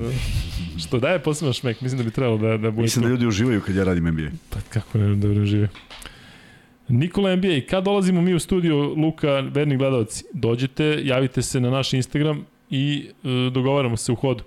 I smorit ćete se sigurno. 70 Ali ljudi, udobno mo ovo je 70 udobno. ljudi možda stane. Ova tamo iza kamere je prilično udobna. E, sedeli su tu ljudi ranije, tako da niko se nije žalio i eto, radit ćemo. E, Luka, koji NBA prospekt će ove sezone možda Ivy? Jaden Ivy je u jako lošoj poziciji zato što svi očekuju da bude novi Jamorant, a nikad niko neće biti Jamorant. Hoće biti MVP kandidat Jamorant, a? Biće sigurno. I to ozbiljno MVP kandidat. Samo da je zdrav. Baš delo da igra sa, sa lakoćem, dakle ono, ono kako prolazi i kako sve radi. Tako da biće zanimljivo. E, Luka Kuzma, Delije Grobar, ja sam ljut, ali treba da podržimo svoje klubove pobedi protiv CDVite i SC Derbija. Apsolutno. Nemoj da me shvatiš pogrešno, Ognjene, ja podržavam više nego ikad. Kunem ti se. Evo, ja ću prvi da, kad Partizan ili Zvezda ili Partizan, ajde, uđu, uđu u playoff, ja ću prvi da se odmaknem i neću možda da, da idem sa takvom emocijom. I sad mislim da treba da podržimo svi, zato što je teško. Nije ništa strašno, 0-2, 0-2, može verovatno da budeš mnogo gore, ali treba da podržimo apsolutno. Apsolutno. Za koji NBA tim navija Luka? Za Las Vegas. Kad sam čuo da će LeBron James da pravi tim u Vegasu, bio sam u fazonu kako bi bilo da se, da se da se nađem tamo. Vegas je idealan grad za NBA tim, znaš ko? Ne. E, sad ti ja kažem, verujem. Verujem ti. Uf, Ja ti mnogo toga verujem. ljudi, ljudi mnogo lepo. to je šestosmisleno. Vidi kako me, kako me sve ubio. Pazi, rekao sam da sam u depresiji, sad me je razvalio. Ehm, da. Dejan, vidim da imaš dosta pitanja o NBA ligi, ali mi moramo da se vratimo na Partizan, a mogli bi da ispucamo još jedan free bet, s obzirom na to da vas ima zaista puno live-u. E, I pričat ćemo Dejane o NBA-u i o bankeru i o prospektima, pričat ćemo sigurno u ponedljak. I sa Vanjom, koji će sve to da elaborira onako baš kako treba. E, E, jedno zapažanje koje nismo samo malo... Samo da odgovorim na ovo pitanje, ili postoji šansa da streamujete i da prenosite da zajedno gledamo Euroligu? To o tome Pa smo pričali. moramo probamo, da, ali ovaj, to, onda, to jedno. onda nisu, to nije zvezda sigurno, pošto ja ne mogu da budem tu, I to nije Partizan sigurno, što ja... što ja mogu da budem. Da. Možemo Partizan, da, onda mislim da imamo, ovaj, ako ti ne radiš, a verovatno ćeš raditi neku sledeću utakmicu. Ovaj, ali moramo jednom da probamo, u stvari moramo da napravimo probu kako izgleda i kako se čuje i koliki je delay i da ne budemo, znaš, da ne pričamo nešto što da znamo unapred ili, ili već kako. Aba ligu. Pa Možemo da probamo i s tim. A ja sam nešto da To kažem. je, to je protivno... Da, nismo, nismo, da, pravilima. da, nismo otišli, ovaj, da, ne možemo to. Nismo otišli, nismo otišli samo do činjenice koje si... E, ima nekih razloga. tenis seriji Viško i Govedarnici su radili finale, malo kako je bilo na Eurosportu, šta je problem. Da, Eurosport nije... Ma nema veze, ne mogu, ne mogu sad dvojim satima. Ajde, znaš šta si hteo četvrti put? Četvrti put sam hteo da kažem... Da, nismo se zadržali na činjenici da bez obzira što je bio, ti jesi rekao da je 100 poena, 103 poena posle produžetka, ali nije to baš bilo mnogo manje. 90. Dakle, ona četvrtina o kojoj pričamo, tu je, tu je taj najveći problem. A postoji uvek u, u igri Partizana. Mnogo je poena za rezultat u Euroligi. Mnogo primljenih poena.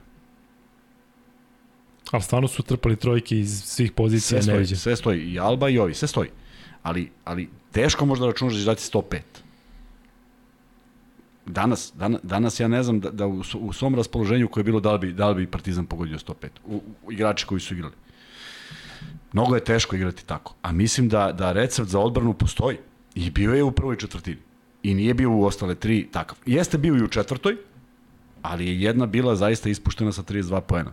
32 poena od 9, koliko je završena utakmica? 90 89, 89. 89 89. Znači koliko 60 7 poena je na 3 po 20 poena, 22 22. Da. A eto to je to je recept, tako mora da igra Partizan, ne 32. E, šta bi menio u Partizanu sada pred e, naredni period? Da li bi e, recimo više koristio Andjušića na račun Pantera? Ili ima nešto što ti onako taktički deluje sada da, da bi moglo da se koristi u ABA ligi ili kasnije Ne, kada ja budu ova dva meča u areni? Ja bi sad ja bi sad odustao od toga da da moram da jurim nekoga koga ne mogu da jurim. Ima koga bi mogao da jurim, a ima i nekoga koga ne mogu. Ne možeš da juriš ekipe koje jure brže od tebe i to je vrlo prosto. Jurio bi one koje mogu da jurim. Na primer, Partizan je prošle godine jurio Zvezdu u leđa. I tako je igrao celu play-off seriju. I zadavao ozbiljne probleme Zvezdi. Jer kako prime koš, tako svoju u leđima. A Alba je to fenomenalno radila, pa kada Lesor zakuca i lopta udari u pod i on krene nazad, odjednom ima čoveka koji trči za njim. To je neverovatno koliko su brzo izvodili loptu. E, to su te ekipe koje ne može se na, da, da trčiš brže od njih. Ali ja mislim da Partizan zaista ima kapacitet da igra poziciju. Ima, odakle god hoćeš da da koš. Lesor je veoma razigran. Bez obzira na ovu činjenicu da u posljednjoj četvrtini nije, nije postojao sa nekom idejnom igrom, nego je skido lopte pa nešto vraća. A jel pamtiš da je on do, nešto do, rešio kada je dobio loptu na niskom postu pa rešio leđima? Ja ne pamtim neki njegov koš takav. Uh, Dakle, pamtim iz pika, pamtim po- posle ofenzivnog skoka, pamtim posle nekih otpadaka, pamtim na, da na pas dobije kada je okrenut licem Čak- košu, ali da on uzme da gradi Čak da i da ne napravi nešto. postoji, čak i da ne postoji, taj pas ima svoj smisao. Ima svoj smisao jer dobiješ dubinu u napadu. Ako pas nikad ne ode na centra, onda ti da igraš periferno i lopta ide levo desno. Samo kažem da sam sigurniji kada Ledej primi loptu igra leđima, nego on. Zato Neka što Ledej ej, se i okrene i finta primi- i pogleda. Neka je primi sa idejom da je odmah vrati. pa je već dobro jer Da. se poremeti odbranu, ali ne da ne ode dole. Dakle, mislim da je ta prva četvrtina bila neki način kako bi Partizan možda igrao kvalitetniju igru. Ja to tako vidim. Ne, ne znam če sam u pravu, ali mislim da bi to sporije značilo da mogu da diktiraju tempo. I sve četvrtine su bile mnogo manje primljenih poena nego ta druga u kojoj je zaista izgledalo ko će brže. Deki, vidim da imaš 6000 pitanja u vezi NBA lige, ajde daj malo šansu i drugima da pišu ovde, zato što e, u, verujem da ti je najbolja namera, pričat ćemo u ponedljak, umeđu vremenu ako nastaviš sa ovim pitanjima o svakom igraču u NBA ligi, morat će Vanja da pritiska tamo neke dugmiće posebne, tako da samo se strepi do ponedljika, ali vidim da ti nastavljaš, tako da Vanja, vidjet ćemo. Ne radimo slušalice. Kaže Petar Vanja, mutuju ovog trolera. E, Kuzma, imaš pitanje? Ajde. Svojom vikom i gestikulacijama unosi li možda Obradović bespotrebnu nervozu kod mladih igrača? E, mislim da je on od uvek bio takav. Pa ako nije unosio tamo nekom lončaru i Stragarcu i Šilobadu, koji su Stragarac, bili... gde se njega seti? Pa kako igrali su isto vreme? Stragarac. Pa da, Da, ali on je jedini, mislim, jedini nije napravio neku karijeru kao ovi u smislu... nema veze, ali hoću kažem i on je bio tu na tom tapetu, šta radite i priča, priča svima da ne napravi istu grešku. E, Slažem se da to od udara od, evo, gledali smo drugog trenera koji se nije okrenuo da kaže nešto, jesi vidio? Fenomenalno. E, Tiho. Svako ima svoj neki način. Željko od prvog minuta objašnjava šta ne valja. E, može da izazove, može da izazove, videli smo da im u jednom trenutku su bili u kadru oni Koprivica i A si vidio i Koprivici Madar, kad ih je stavio bojicu na reklamu, Da. kaže, ajde stavi ti tu, sad, a da. sad stavi ti tu, pa taman i Madar, slušaju pa, i slušaju, da. Ali to je meni da- odlično, zato što je to porodična, porodična varijanta u smislu ko kad ti ćale Je- priča e, kad te jeste, kori. Jeste, ali onda u jednom trenutku mora provališ da li to ima smisla. Ja sad to ne znam, ali, ali u jednom trenutku sva- pit, pomisliš, čekaj, ok, ja pričam ovo tri meseca, sto meseci, jedan Pa, mesec. Video si da ima smisla kako je Madar dao trojku, mora da ima smisla. Nemoj da zezaš, da trojku. Verovatno mu je rekao, kaže, sad Samo je baci bilo kako, baci da, bilo kako. ulazi 100%. A, ne, negde, negde, negde dobiješ neverovatno pozitivnu reakciju, a negde ubiješ igrača, tako da tu treba biti oprezan. Ja, ja, ja verujem da on zna svoje igrače, kakvi su mentalnog sklopa da može to da radi. Možda neko je manje priča, mi ne znamo, on kad se okrene na klupu, ne znaš baš kome se obraća, možda neko ne može da podnese to. Bila je jedna divna, divan moment, imali smo jednog trenera, sad nije važno kojeg, strašno je volao da psuje, znaš. Ali baš onako bez veze. Živi ili? Živ, da. Ali baš bez veze. Baš su psovke odvrtne. Glupe, potpuno neprimeren. I sećam se Milo je ulazi u igru. I ovaj nešto, ba, ba, ba, ba. I Milo je priđe i kaže, izvini. Mnogo ne volim kada me neko psuje majku i oca. Molim te na više da radiš. I više nije radio. Mislim, hoću ti kažem, Samo njemu ili sin? mislim da se prema njemu ipak iz, iz ovako uh, poštovanja odnosio tako da da nije preterivao. Ali hoću ti kažem, ima, ima tako neke stvari koje mogu nekom da smetaju. Sad, znaš, uh, reći e, šta izmišlja Milo, što mu to smeta, pa smeta mu i ima prava da mu smeta. Jasno. Kao što nekom smeta nešto drugo. Neko to podnese, neko će da uđe u dobru energiju sa tim. A kad je, recimo, kad bi Trifunović prišao Obradović i rekao, slušaj, mnogo mi smete kad ovako viče. Da, sigurno mu rekao, je, izvini, molim. Ajde, ajde, ajde u igru. Prijavi izmen. Um, sećam se, nemam zaista ništa loše protiv šta više, mislim da je super. Ali Vanja Guša, koji je bio zaista veliki šmeker i stalno, kad god smo igli protiv Bea Vuka i kasnije kad sam dolazio na treningi Bea Vuka, uvijek je bio fenomenalan, čak i kasnije kad smo igrali nešto novinari, treneri protiv FNP-a, Vanja legenda, ne znam gde je trenutno, ali igramo mi protiv Bea Vuka i igramo na otvorenom negde na Adi, klinicima, bre, ako smo imali 10, 11 godina, 12 godina, i slušaš, kaže, izmena, idiot broj 6 na klupu. Kako smo se smeli, majko moja. Znaš ti čuvenu izmenu Neša Ilića, ako si čuo za tu anegdotu? Mm, ne. A kod Laleta Lučića. I sad neka gun, onako galama gungula oko timeouta. Da li on prišao Tomaševiću, da li kome je prišao i kaže, rekao Lale izmene. I ovaj čovjek, klinac, mnogo mlađi, poveruje i sedne. I sad, kaže, ovaj sedi i gleda. Pa se okrene na klupu, pa pogleda, pa kaže, otkud, otkud ovoj igri? Sam je izvršio izmenu, tako da sve je bilo moguće. E, Luka, kako ti se čini Exum kao play?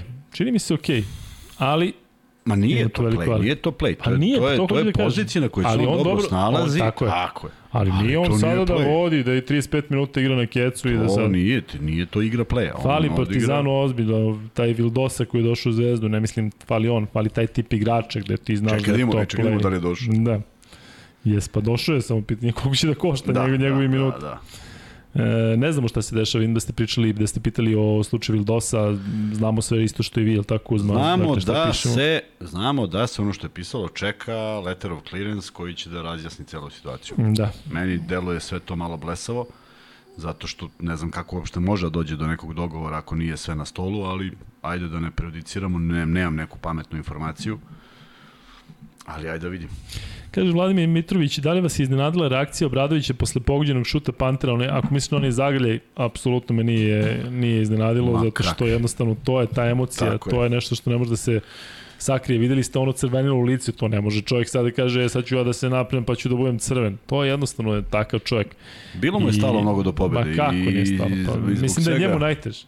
Pa, Zato što Naravno. imaš strance na terenu, imaš domaće koji nisu mnogo igrali i imaš njega koji, e, kad ga vidim kada sedi onako na klupi između dva pomoćna i kada vidiš da mu baš teško. Da mu je baš teško. Čovjek koji je prošao toliko, e onda bude još teže, ovaj, teže kada je takav poraz. Kuzma, kakva je bila atmosfera sinoć u Pioniru? E, neko je, neko je nešto napisao da sam ja rekao da je bila puna. Ja nisam rekao da je bila puna, rekao sam da je, kad kažem popunjena i kad kažem puna, smisl, mislim u fazonu da je dovoljno dobro za atmosferu. Nekada i 3000 ljudi napravi fantastičnu atmosferu. Ali ono je stvarno bilo puno, neko oko, ali puno. I bila odlična atmosfera. I stvarno su u jednom trenutku onako svi delovali kao jedan i imalo je, imalo je svoj uticaj na igru. I ne treba zaboraviti da je dva i po minuta pred kraja Zvezda imala pet razlike. I to je neko neiskustvo i nedostatak igrača u rotaciji. Uh, A što nije bila puna dvorana? Ne znam, pa vjerojatno se igrala Zvezda, pa svi su oteli gledaju Fudbal, fudbal, a jel? i mnogi su otputovali na fudbal, tako da i u, u Ima i tu, je bilo tako? puno ljudi, da. Ali vidi, e, ima jedan interesantan komentar kojem sam želeo posjeti malo pažnje, s obzirom da smo pričali dosta. Ajde. Ovaj, vratit ćemo se na Partizan, nego sad kad si, kad smo, kad si prešao na ovu atmosferu Zvezde. Ovaj, e sad ako ja uspem ovo da otvorim, a da mi se ne upali ton i tako dalje. Upadat će sigurno. Upalit će se naravno. Hmm. Pa ne ide mi Vanja, čekaj da pa kliknuo sam sve sam ugasio čoveče. Evo, sad ću da uđem. Sad gledam sebe ovde, a ne želim sebe da gledam. E, samo da nađem. Ja se izvinjam. Evo ga. Ne, opet sam ja. Čekaj. Ovo bi moglo da traje duže, znaš. Ovo Ne, je posebna evo, emisija, znaš. izvinjam svim gledalcima. vremena, znači Kuzma, Izvinjam svim gledalcima koji su zaspali dok sam ovo tražio. Stefan Novaković. Vrlo, vrlo, poslušaj šta je rekao. Znam da Kuzma uvek stane iza igrača i uvek gleda da ga zaštiti i prosto to je njegov zaštitni znak. Mislim na srpske igrače. Ali Kuzma, činjenica je da Dobrić ne može da pogodi za tri kad je sam. Dakle, e, malo ću po, da sečem. Dobrić je odigrao prvu utakmicu. Dobrićevi procenti od prošle, pretprošle i nadprošle godine su fenomenalni za 3 poena. On je došao sa posle povrede i ovo mu je prva utakmica u kojoj naravno da postoji opterećenje kako ćeš da otvoriš. Da je Dobrić pogodio prvu, sve ide lakše. Nije pogodio ni jednu i naravno da je to njemu opterećenje. Ali ne može da se tretira kao normalni moment da kao da jeste u formi. Ni za Srbiju, ni za Zvezdu. Dečko nije šuter. Šuter je igrač koji pogađa kad je sam ogromnim procentima. Kad ga neko čuva iz driblinga, 40%. Dobit će predobar i tako dalje, tako dalje sad o Dobriću. Zvezda nema igrača koji može da reši utakmicu kad je neizvesno. To je valjda svima jasno. Da, da, da ima igrača koji reša utakmicu, rešio bi možda obe, ali u ovom trenutku nema. Raduljica ne može nikoga sačuva u Euroligi i može da igra plafon 8 minuta. Ono što je odigrao Raduljica je bilo sasvim korektno. Za 8 minuta, 8 minuta. Da li će doći do 15, ali ja ne verujem da je uopšte bio u planu da igra 40. Uh, Bentel i Martin su izgledali ozbiljno, Petrušev je super napadački odbrano zategne. Ja i mislim da mu je to apsolutno jedna stvar koju mora da popravi i da je to nešto zbog čega nije prolazio u Efesu. Trener Jovanović ima troduplo jači i bolji tim Olimpijeviću. Ja mislim da je neuporedivo, pošto su svi timovi troduplo jači u odnosu na onaj period kad je bio Olimpijević, tako da ne možemo da, da to pričamo.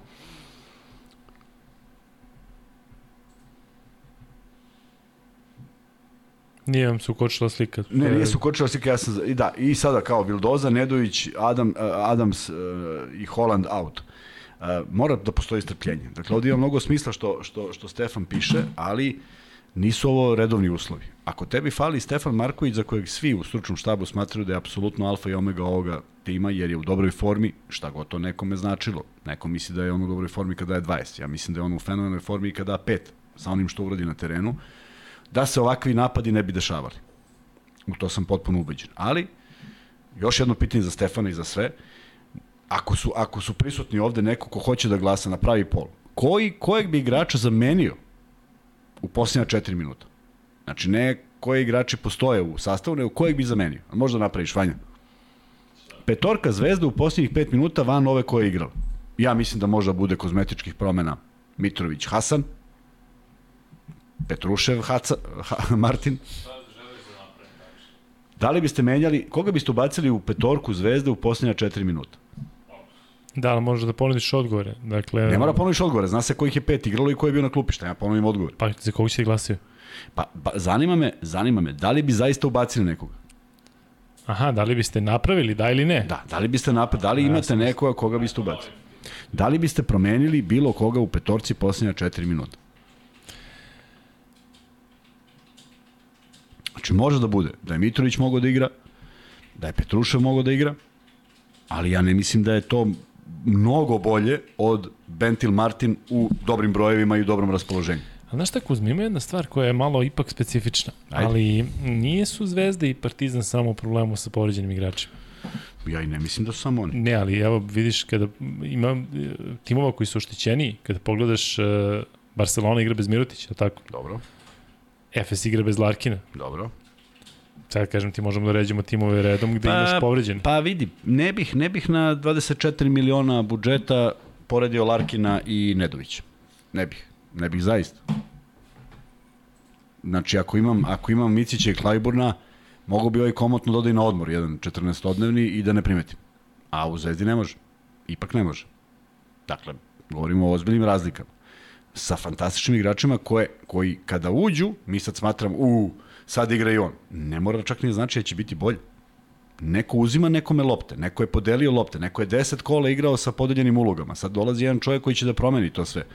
Nije to baš tako jednostavno, ali naravno za dobre igrače mnogo lakše da se uklope u tim. Opet da se uklope sa nekom novom ulogom. A zamisli ako Micić do 10 kola bude u proseku 15 pojena, a Clyburn 22. Šta dolazi Larkin sa idejom da ima 30? Pa neće moći. Mislim da ne bi bilo ni dobro, ne da li može, on može, nego, nego da li je dobro za ekipu. E, da. Ne znam da li hoćete malo teža freebet pitanja ili hoćete lakša. Ljudi uglavnom ste pisali kako želite e, teža pitanja. Šta misliš Kuzma, da malo š, budu teža freebet pitanja? Pa Pa da, naravno, bre. Da. obavezno teže. Dosta je bilo deljenja freebeta. E, Ali teže da nam se jave u petak. Da. Mm, Očevanje, da držimo još ovaj Kuzmin pol, već ima 700 ovih koji su glasali. Glasali 700. Evo, nemoj glasali zezaš. 100 glasali. Glasali 700. Kako 100 može gla- se- zakucano na 100 da glasaju. Može, kad dođe na 102. Šta ćemo da da? Dobro, znači kad eh, postavim, pa kad krenu da odgovaram, onda ga ugasiš. Važi. E... hm. Nabr e, kako se zove, sad dobro, doslušajte free bet pitanje do kraja. Izašlo Bentil. Dragan, Goran, Bentil. Baš da imamo koliko pratite košarku. Najnovije, nadamo se pojačanje Crvene zvezde, je Vildosa. Ne kako se zove Vildosa, Luka, nego kako se zove drugi Vildosa koji igra za Argentinu u prozorima. Dakle, taj playmaker kako se zove. Dakle, samo stavite ime. Pera, Žika, Laza. Dakle, da vidimo ko... Što koliko- otkrivaš? Što otkrivaš?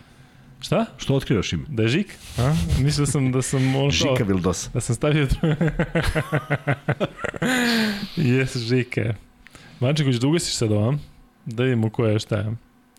Kuzma, odgovor na tvoj pol je sledeći. Da li biste promenili bilo koga u petorci Crvene zvezde u posljednje 4 minuta? Odgovor je 59%. Da, promenio bih. To, koga? Ajde nek pišu sad. Pišite, sad možete sad pišite, pišite ko je. koga. Evo, hoće teža pitanja. Jose Vildosa, Ilija Živodan, Živodinović, bravo. Bravo, Ilija. Ilija Živodinović uh, je dobio free bet, max bet, šta ti? Si dobro? Šta, šta treskaš glavu? Uh. Dobio si max bet, free bet od 1000 dinara i zato pošalji na nalog Luka i Kuzma uh, max bet ID. Uh, evo slijed, izlazi Žika, Žika, Žika, ali znaju Hoze, vidi koliko je izlešlo Hoze. Kakve careve mi ovde imamo. Dakle. Ilija Živodinović je odgovorio baš, baš prvi. E, znaš šta je odgovorio Boris 995 pre e, nego što je čuo odgovor? Razija Mujanović.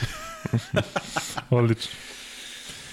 Ništa, onda ćemo da imamo još teža pitanja šta da radimo, ali vidim, Dragoljub Vildos, ekstra, slobodan, sad se ovde zezim. Da li ima neki Dragoljub, si odgovori Dragoljub? E, ajde spomenemo druge rezultate, ovaj, šta se izdešavalo. Smo Ajde, spomenuli? ajde. E, hoćemo. E, dakle, danas, kakva je sledeća nedelja, dakle, evroligaški mečevi, kakvi su svaki dan ekstra. E, I samo da kažem, pre nego što pomenemo, mnogo mi nedostaje ruski termin za Evroligu. Kad Koji počne ono sa CSKA 5, 6, Da, pola, da. i krene CSKA, Unix i Da. tako počne ovako se mnogo preplići. Dakle, Da. ne može se prati. Da. E, dakle, što se tiče ostalih rezultata današnjih, oni su sledeći. Fenerbahče Makabi 86-71, Makabi se raspada. Kažem, dakle, ono gledati je toliko teško. Dakle, Fenerbahče uopšte nije odigrao neku vrhunsku partiju, nego pogodili su šta treba da pogode. Dve Gudurić je, trojke. Gudurić je odigrao. Kalates je prelomio sa dve trojke, pa je onda 19 se nadovezao. poena? 13, 19, 17, Ko, nešto Gudurić? mnogo. Ne, ne, Kalates, nešto mnogo poena i mnogo asistencija. Ali Gudurić bio najefikasniji. Da, da, uz odlične procente svakom I učestvu. taj je Fenerbahče izgleda ozbiljno. Nisam siguran za ovo Carsona Edwardsa. Dakle, Delo mi da neće od njega biti ono što svi očekuju da sad on igra kako igra u Bostonu. Motley je okej, okay. ovaj Hayes je isto okej. Okay. Ne znam kako je taj Hayes dobio drugo prezime. Ranije je bio Hayes, sad je Hayes Davis. A? Se prevoda? Šta Da, radi? da. Wilbekin uh, igra kontrolisanije nego u Makabiju. Kontrolisanije, a? Ti to deluje kao To mi deluje fantastično u, u 15 2. Kao nešto što stvarno postoji. I tako, Kuzma, dakle, šta misliš, Fenerbahče Makabi, mislim, da, 86-71? mislim da je sad, znaš, verovatno se sada ovaj, u Makabiju pitaju "K- kako je, šta se ovo desilo. Treba da uzmu da zamene četiri, da otpuste četiri stanca momentalno, i da dovedu. Još šestoricu. šest, još šest, tako, tako je, da bude još veća guža. Tako da ovo nije čudo, ali ne znači da Makabi neće igrati bolje, iz prostog razloga što je tu stvarno mnogo novih igrača, naravno i tamo uvek postoji neko strpljenje koje je sve kraće i mislim da za mnoge ljude nije nije ovo neshvatljivo šta se dešava, za njih sigurno jeste jer e, ne verujem da su pravili ekipu od koje očekuju loše rezultate, tako da Uh, valjda će naučiti jednog, jedne godine da možda i ne mora promene ceo tim, da mogu malo i da, da, da zadrže nekoga, ali Mnogo su tanki Izraelci, Kuzma. Znači, ono, Ziv, Toj Menko, Ne, ne, oni ne, su ne, ne, ne, ne, ne, mislim, ne mislim, ne, nema više ni oni, pa, pa nema, nema ovde, Pa nema, nema nigde, ali ne mislim da budu Izraelci, nego mislim da bude neko ko je, na primjer, igrao u Izraelu četiri godine, pa ga dovedeš, pa je tu Ali na tri. nigde nije takva razlika kao kod njih između domaćih i stranih igrača. Verujem, verujem, pa okej. Dakle, u Turskoj možda pronađeš Možda neki. pronađeš nekog, znam. Nema, u nema. Španiji, Jeste, Italiji interes- imaš, pa, u Žalgirisu, da ka- znaš šta su Litvanci. Da, da ti kažem jednu stvar, oni su, oni su čak napravili jedno fantastično iznenađenje, ja mislim na U20 pre četiri godine. Jesu, pa oni su sad bili odlični u, u Crnoj ali Gori. to, da, ali to su momci od ne više od 2 metra. Prosto nemaju visinu, imaju neverovatnu brzinu, igraju brzo, bam, bam, bam, bam. I sve to na tom uzrastu i na tom nivou donosi rezultat, ali čim pređu u nešto seniorsko, očigledno da to ne može da prođe. E, Drugi rezultat, Olimpijakos Žalgiris, pobeda Olimpijakosa. 90-80, Vezenko 23 poena, 14 skokova. Svaka mu čast drži formu od evropskog prvenstva, da je bio jedan najboljih strelaca. I, i, I jeste neko ko stvarno pravi razliku. Mislim, ta njegova sporina, ono što govorimo, sporost, kao i kod Davidovca, uvek, uvek nekako pravi razliku, igra sa mnogo osjećaja. Još i mnogo, levoruk, pa nezgodni da, još. i nezgodan. Tako da je, ovaj, nije iznenađenje naravno, a čak mislim da je dovoljno dobar otpor Žalgirisa od tih 80 poena. E, da, Žalgiris je nešto bio u egalu Da. do prilično dugo. E, Baskonija Partizan. Kukulela, ovo kad Nemoj vidiš da još ti gore bude. Hoćeš da komentarišemo još malo te mere, da Nećemo, upadnemo još u veću depresiju. četvrti. Armani Alba 74-80 posle produžetka. Ti si već opisao kako se završavala Da, da, i onda opet neko... I onda je ovaj Blat dao trojku na nerešeno 74-74, onda je Jel trojku tablu dao? i to, nisam video, samo sam prebacio u momentu kada, kada je lopta već bila i kad su izvodili i to je bilo ključna, ključni moment, onda neki napad koji nije imao mnogo smisla, promašaj, out, onda debata čiji je out, pa je out bio za, ipak za Makabi, za ovaj Albu i to je to. I evo na kraju Valencija, Asfalt 76-77, lepo je vidjeti da je Dekulo ponovo najefikasniji na nekom meču. Da, i muka je bila tu dosta, ovaj, egal utakmica, ja sam uhvatio negde na 62-59 za Asvel. Koliko je bilo na kraju? 76-77. Znači, to je neka četvrta Treće. četvrtina, pretpostavljam, kraj 17-15 treće. Da, je da, bilo u poslednjem. Da, kraj treće. I da, ne, nezgodno za Valenciju što dve utakmice gubi kod kuće, je tako? I, ovo su drugi Da, da, kod kuće. i on. Eto, tako nekad raspored... Mislim da njih već možemo onako... Ne, nekad taj lagano. raspored ne znači baš mnogo, Neko ali ne. kamo sreće da su da su makar Zvezda i Partizan imali dva kod kuće, a ne a ne ovo da jure po po Partizan je dve gostovao sada i sad kao dolazi kao u super igraju kod kuće. E, šta čeka Partizan u utorak? Virtus? Da. Armani? Vir, Virtus pa Armani. Partizan prvo čeka studentski centar, pa onda Armani pa Virtus. Armani pa Virtus, a Zvezdu Baskonija pa Real. Zvezdu prvo Cedevita, A da, izvini. Izvini sad da. A pa pre toga, sad. a pre toga, A sad izvini. to je u nedelju, a pre toga imaju trening. da. Footing. I ručak imaju jedan zvan. Gostovanje u Tivoliju, pa onda gostovanje Baskoni, pa gostovanje Realu. Pa To ja mislim da oni kad budu krenuli u Tivoli i nastavljaju, ja ne znam da će se vraćaju. Sledeći meč Zvezda igra protiv FNP-a kod kuće 24. oktobra i onda sledeći evroligaški meč Zvezda igra 28. oktobra protiv Bayerna. E, A lagan raspored. Kuzma, a što ne komentarišemo i ostale meče? Ko je? Turk Telekom Bakče Šehir 87-68. To da komentarišem. Pa nemoj izgovorim. E, I Ukea Borac 90-78. E, da, da. I znaš što mi je mnogo drago? Mnogo mi je drago za Tanaskovića. Dakle, to je jedan dečko, znaš koju je bizarnu povredu imao? Odstranjeno mu je deo slezine od udarca Ne košarkaškog ili košarkaškog, na košarkaškom terenu. apsolutno. Znači, dečko fenomenalno, ima dva brata, on je stariji, neviđeno ponašanje, neviđen osjećaj, sav krakat, raspon ruku, leva, levoruk, kad krene negde, nemaš pojma gde je krenuo, on zavrne, ona ide ka košu i evo, ja mislim da tri kola, jer ovo je treće kolo, igra fenomenalno.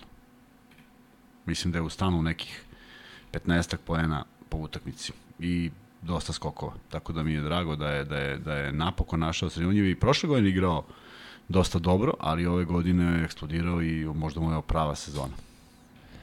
E, dobili smo 10 dolara iz Mizurija od Opa. AC Nikole i slušaj zašto. Za obnovu BFC-a. Tako je. Dobar početak, nema šta. Kako je stanje tamo, Salo imamo, znači će sa trenera imamo. Šta ćeš da budeš ti u klubu? pa, Aj kapitan, sad, moraš sad igrač. kažeš. Kapitan igra, pa ne možeš da igraš, pa ne. E, ne mogu da igram. Pa podmlađujemo ekipu. Pa jesi vidio onaj snimak kako Mi odmah zakucava? podmlađujemo ekipu. Sve za kucavanje moje. Yes. Sećaš se za kucavanje onog što sam se oporavljao 7 dana posle. E, ali moram da ispričam ako nisam ispričao kad je već sad rekao za BFC. Taj Ajde. jedan jedini put koji smo odigrali u toj dvorani koja nije postojala kad smo mi igrali, ovaj, odigrali smo 2014. godine. Ono je oprošteno, evo. Oprošteni, da. Pa ne i oprošteni, u stvari jedini. I skupili je su došao? tu, i skupili, pa do, svi smo došli. Ej, ne, rekao sam da jedan nije došao. Bio je neko ko nije došao. Topalović nije igrao. E, pa onda je možda to to. Topalović nije igrao. Topić igrao, Marković igrao, Kusmuk igrao, Koliko je to bilo pre... Stojačić nije igrao, Smiljanić igrao, Glišović, ja, Šelevu Čurić nije došao, nije, nije mo, Neka, nažalost, da. Ja nisam Nemanja da. Danilović nije bio s nama jer, jer je preminuo u strašnoj saobraćaj nesreći i ovaj, i slikali smo se u istom redu, slikali smo se u istom redu i bez njega, kao što smo slikali na finalu. Ali e, bilo je vrlo interesantno pošto smo igrali protiv deves, devet, mahom 99 19-godišnjaka iz Beočina. Taj, taj klub koji oni sačinjavaju. I izdržali smo tri četvrtine i zamolili smo da prekinemo, stvarno mislim da bismo popadali, ali smo ovaj, ozbiljno odigrali dobru jednu utakmicu od nekih 70 poena za taj period i pobedili smo na 15 razlike. i negde je bilo u planu ponovo, ali sad skupiti na sve jako teško. Top i Kusmuk su u Kini, Željko je na, na Zlataru, Mile Marinković u Bosni, Stojačić ne znam gde, Marković u Novom Sadu, Šele u Novom Sadu, ja u Beogradu, Gliša u Kragujevcu. Neki od nas bi i mogli. Ali u svakom slučaju mnogo lepo ovaj moment, ovaj, zato što smo prvi put uspeli da, da odigramo nešto u toj dvorani koju smo čekali dok smo, dok smo, dok smo radili šta smo radili u Novom Sadu. Imam mnogo pitanja. Prvo pitanje, odnosno prva konstatacija, slušaj, Kuzma, ovo se tiče tebe. Marko Eremić, naš fantazi moderator, Pozdrav Luka, možeš ti da postiš Kuzmu za fantazi i da pozovete ljude da imamo i NBA fantazi napravljeni poslao sam mu par informacija koliko ljudi imamo u ligama i prvaka drugog kola je UL. Jesi dobio te informacije od Jesam, aha. Marka Eremića? Pa ajde malo sad. A ne, rekao sam zato što je pošto sad kasno, rekao sam da ćemo ponedjak to da pričam. Tako sam odgovorio. Aha, Dobro. Jer sad, sad je, prvo ne mogu se skoncentrišem uopšte šta treba, a drugo, ovaj, sve mi je to napisao i rekao sam da ćemo sigurno to u ponedjak da radimo. Um, Idemo dalje. Šta je dalje? Dalje, dalje je Cibona, Rasel koji je dao 34 poena, evo ga E, Grbić to, javlja. pa znam da nešto hoću, 35 poena. Sad ćemo da vidimo šta kaže. Kaže ovako naslov. Evo ga, Rasel iz Monara 35 poena, 3 od 14 za 3. Kaže ovako, slušaj, naslov. Russell u padu forme. Ne znam gde. Ubacio samo 35. I onda shvatiš da su oni izgubili. I shvatiš besmisao te vesti. I to je zabava. Ne, ali to je stvarno zabavno, to se neko sprda, tipa 35 pa je pada forme. Mislim da je se to neko za klik, zezanje. Za, za šta god daje, oni su izgubili utakmicu, a on je šutnuo, ja mislim, tri trojke manje od ekipe, e, četiri trojke manje od ekipe i šest dvojke manje od ekipe. Tako nešto. Vanja, uskoro ćemo da završimo, ne brini, ali me jako zanima. Da li, da staviš pol, da li biste volili da vidite Rasela u Zvezdi ili Partizanu? Ne, u stvari, ajde ovako.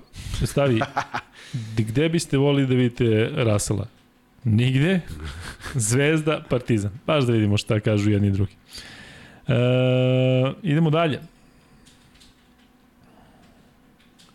Pa zamisli pionir i on šutne 3 od 14. I siđe njih 700 i iznesu ga. Da. I kažu dosta bre čoveče. Ovde se neko zeza da je Darko Plavšić. Pa naravno se zeza da je Darko Plavšić. Ne, piše Darko Plavšić i sad vam piše kako ste šta radite. Ali ovaj, Imali smo i Srđana Radojevića. Mm, Da, da, da, imali smo i ovo, ali stvarno bez veze, javi bi se Darko ovako da, je, da ne bi se javio ovde. E, Kuzma, da li si udušeni Raslom iz Monara, tačno tvoj tip igrača? Tako je, ja to obožavam, ja to kad vidim oduševim se. I ne vez da li pobeđuju ili gube, ali važno da on igra dobro. Da li je nesportska nad Panterom i ovde je neko pitao baš da ja prokomentarišem to što mislim, naravno da je nesportska. Jeste tako- nesportska, tako je. E, Luka, lako ste prešli preko faula nad Panterom, ako nije namera, ne znam šta je. Jeste? Nismo Pa, lako Kuzma- prešli, ja sam... Kuzma je govorio opšte kako je to besmisleno da nešto jeste, nešto nije. On naravno da jeste, ono, neprirodan položaj Lakat lakt. u, Da. lakat u visini glave, Da, da, da. da. nema nikakve, nikakvog govora. Ali šta, mislim, šta sad mi s tom informacijom? Evo, mi smo rekli, i to je prvo što, čime smo započeli, ali šta sad s tom informacijom? Nije sviran. A naveo sam i onaj drugi primjer koji jeste sviran juče, a danas nije. I dobro je što danas nije, a daj Bože da nik, nije, nikad više ne bude. Jer ćeš zaista morati da gledaš ko ti dolazi, a ti sudi i kakav kriterijum suđe ima i da li će tumačiti pravila ovako ili onako. Gledamo one, gledamo one snimke i gleda i tra... Čoveče, ti shvataš da je Zvezda Panathinaikos stajala 2 sata i 15 minuta. Da, da. Pa, pa ne teni, o, dobro, ovdje jeste produžetak, ali trajalo više 2,5 sata. Ali ovo 2 i 15 regularna Da, da. utakmica, pa to nema nigde. Ajde Kuzma da najavimo još malo pre kraja i pre poslednjih da, free moramo da beta. idemo, čoveče. Partizan, studentski centar, moramo da idemo. Moramo. Imam neki, imam neki obavez. Dobro. E, dakle, svi vi koji hoćete da se uspaljujete u moj glas u 5 ujutru, možete da gledate Probudite NHL. se, probudite se pa pustite ponovo. Tako je. navite sat, navite sat. I eto. Kuzma, Partizan, studentski centar, znaš kad se igra? Sutra u 9. Zezaš. Pa mislim sutra da smo ušli već u A, subotu. dobro, da, da, da. Znači u nelju u 9. Tako je. Pa dobro, očekivano i mislim da tu, da tu posle svega, mislim da uh, bi bilo zgodno da vidimo I Tristana i Balšu i Trifunović i, I da ih sve vidimo i sa da ih minutažom. vidimo i sa minutažom i da grizu zato što su oni preko potrebni u ovoj ekipi i da se nametnu i da, da, da traže svoje minute najlegitimnije moguće, da odigraju dobro. Prema tome, to je jedna, jedno, jedno takmičenje koje je sigurno njima u ovom uzrastu, ajde, Trifunović ima i malo više u nogama, ali Balši i Tristanu apsolutno odgovara u svakom smislu i ja bih volao da oni sutra iznesu utakmicu. Ne da e, ne igraju ovi drugi, nego da iznesu, da oni budu ti koji vode glavnu reč. U jednoj ozbiljnosti, u odnosu, u energiji, u svemu što jedan mladi igrač treba da ponudi. I da, da oni nemaju šta da razmišljaju ovoj utakmici. Oni ne mogu da budu mogu da budu tužni što Partizan nije pobedio, ali oni moraju da budu spremni za utakmicu bez tih posledica. Njih ne treba ovo da ih e, nije isto, nije isto kada kada sad pričamo o ovim koji nose igru i koji su dovedeni da nose igru u odnosu na ovu trojicu koja koji koji mogu da nauče samo iz ovakvih utakmicama šta ne raditi baš u ovoj konkretno. E, Crvena zvezda, Cedevita, odnosno Cedevita Olimpija Crvena zvezda. To se igra sutra, odnosno u nedelju od 17 časa. E, teška utakmica, e, naročito što i, i jedni i drugi dolaze iz poraza. Koliko je značajan domaći teren u ovoj situaciji? Da li, će, da li su navijači u istom fazonu kao i prošle godine? Ne znam, nisam, nisam ne znam. Jesu, barem ono što sam ja vidio jesu, protiv biće malo, da, biće malo ovaj, vatrenije, ali, znaš kako, ta, u tim sredinama gde, gde nastane klub na tako, onda oni brzo i gube interesovanje. Tako da ako ovi zaređuju neke loše rezultate, tako će biti i odnos publike. Nije to tradicionalna publika koja je nedeljom 48 godina za redom išla na utakmicu, nego malo, malo idu, malo ne idu. I, ovaj, i vidjet ćemo kako će reagovati, ali ne mislim da je to sastav koji je bolji od prošle godine. Ne mislim. Mislim da je Blažić bio apsolutno jedan bitan faktor u celoj toj priči i da Zvezda naravno mora da odigra dobru utakmicu, ali opet kad prebrojiš i pogledaš minute od jučerašnje utakmice, shvatiš da tu ima dosta igrača koji se nisu preterano umorili. E pa, na njima je sada da iznesu jednu takvu utakmicu. I mislim da će uh, Jovanović imati isti princip, isti pristup. Bam, 11 proverenih imena, mm, Ilice nije skidao od zdravih igrača u, u juče, Evo prilike za jednu ozbiljnu utakmicu, ozbiljnu minutažu. A ne, ali ne da bude ono bezobrazno, e sad igraš 40 minuta, ne to. Naravno, nije to pedagoški.